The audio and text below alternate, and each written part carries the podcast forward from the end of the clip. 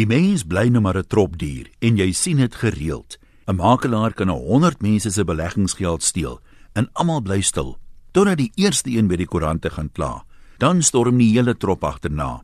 Nou weet die mense nie of dit die publisiteit is wat die trop lok nie. Daarom seker nie, die pers soek mos altyd net sensasie en nie een van ons wil tog deel daarvan wees nie. Ons koop net die koerante en tydskrifte anoniem om stilweg meer daaroor te lees.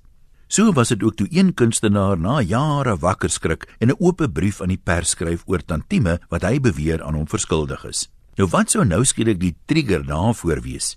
Kyk as 'n mens skielik 'n geldjie nodig het, dan onthou jy mos beter waar jy dalk een kan kry. Ek ken nie die reëls oor tantieme as iemand anders jou liedjie opneem nie. Ek is immers nie 'n kunstenaar nie, maar ek ken mense, want ek is ook een. Mense sloer en stel uit en ken nie die reëls wat op hulle van toepassing is nie. Jy kom tog nie jare nadat iemand jou liedjie opgeneem het eers agter jy's nooit betaal nie. Ek meen jy se moet ver soek om iemand te kry wat nie weet teens dit jare gelede Beautiful in Beaufort West opgeneem nie. Die meeste CD's verkoop ook in die eerste paar maande na uitreiking die beste. So hoekom nou jare wag en nie minstens binne die eerste jaar navraag doen nie? Sommige kunstenaars weet skynbaar nie eers wie dit is wat hulle moet betaal nie. Hulle soek die geld by die sanger wat die liedjie opgeneem het. En dan lees ons later dat die vereniging wat musiekregte beheer, verklaar dat die betrokke liedjieskrywer wel al sy geld gekry het.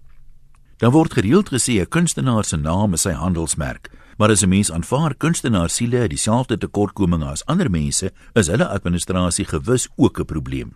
Die grootste deel van die bevolking sukkel op die nippertjie om hulle belasting betyds ingedien te kry. En as hulle dan laat is en 'n boete kry, is dit tog so onregverdig. 'n Mens kan nie help om te wonder hoeveel kunstenaars sorg dat die regte op hulle liedjies korrek geregistreer is nie en volg verskuldigde betalings op soos wat enige iemand wat 'n handelsmerk bestuur tog met sy debiteure sal doen nie. Nou word daar weer die tipiese oningeligte gevegte op Facebook. Mense wat van een sanger hou, veg saam vir sy regte, om geen ander rede as dat hulle van hom hou nie. En mense wat van 'n ander sanger hou, help weer om hom te verdedig, om geen ander rede as dat hulle van hom hou nie. Een bekende taalvegter reken selfs dis net reg dat sangers tydens konserte erkenning gee aan die skrywers van die liedjies wat hulle sing. Ek wonder of hy weet hoeveel van ons grootste Afrikaanse treffers is vertalings van Europese liedjies. En dis 'n ou ding hoor, Selfs o boereplaas van 'n halfuur gelede se wysie is 'n Duitse kersliedjie. Ouer mense onthou nog Kleine Witte Duifie, 'n groot treffer van destyds in Afrikaans. Wel, dit was nie 'n Afrikaanse duifie nie. Van ons gewildste sangers sal dan by konserte meer moet praat as sing en hulle sal moet leer om die soms vreemde name van die Europese skeppers van hulle treffers reg uit te spreek. En voor iemand nou weer die wapen opneem om met die Afrikaner kwansuis afgekraak word, ek dink dis 'n wêreldwye verskynsel. Ek sal my beskeie paycheckie wet dat minder as die helfte van die wêreld se top 100 treffers wel geskryf is deur die mense wat hulle sing. Groete van treffer tot treffer. Antoniem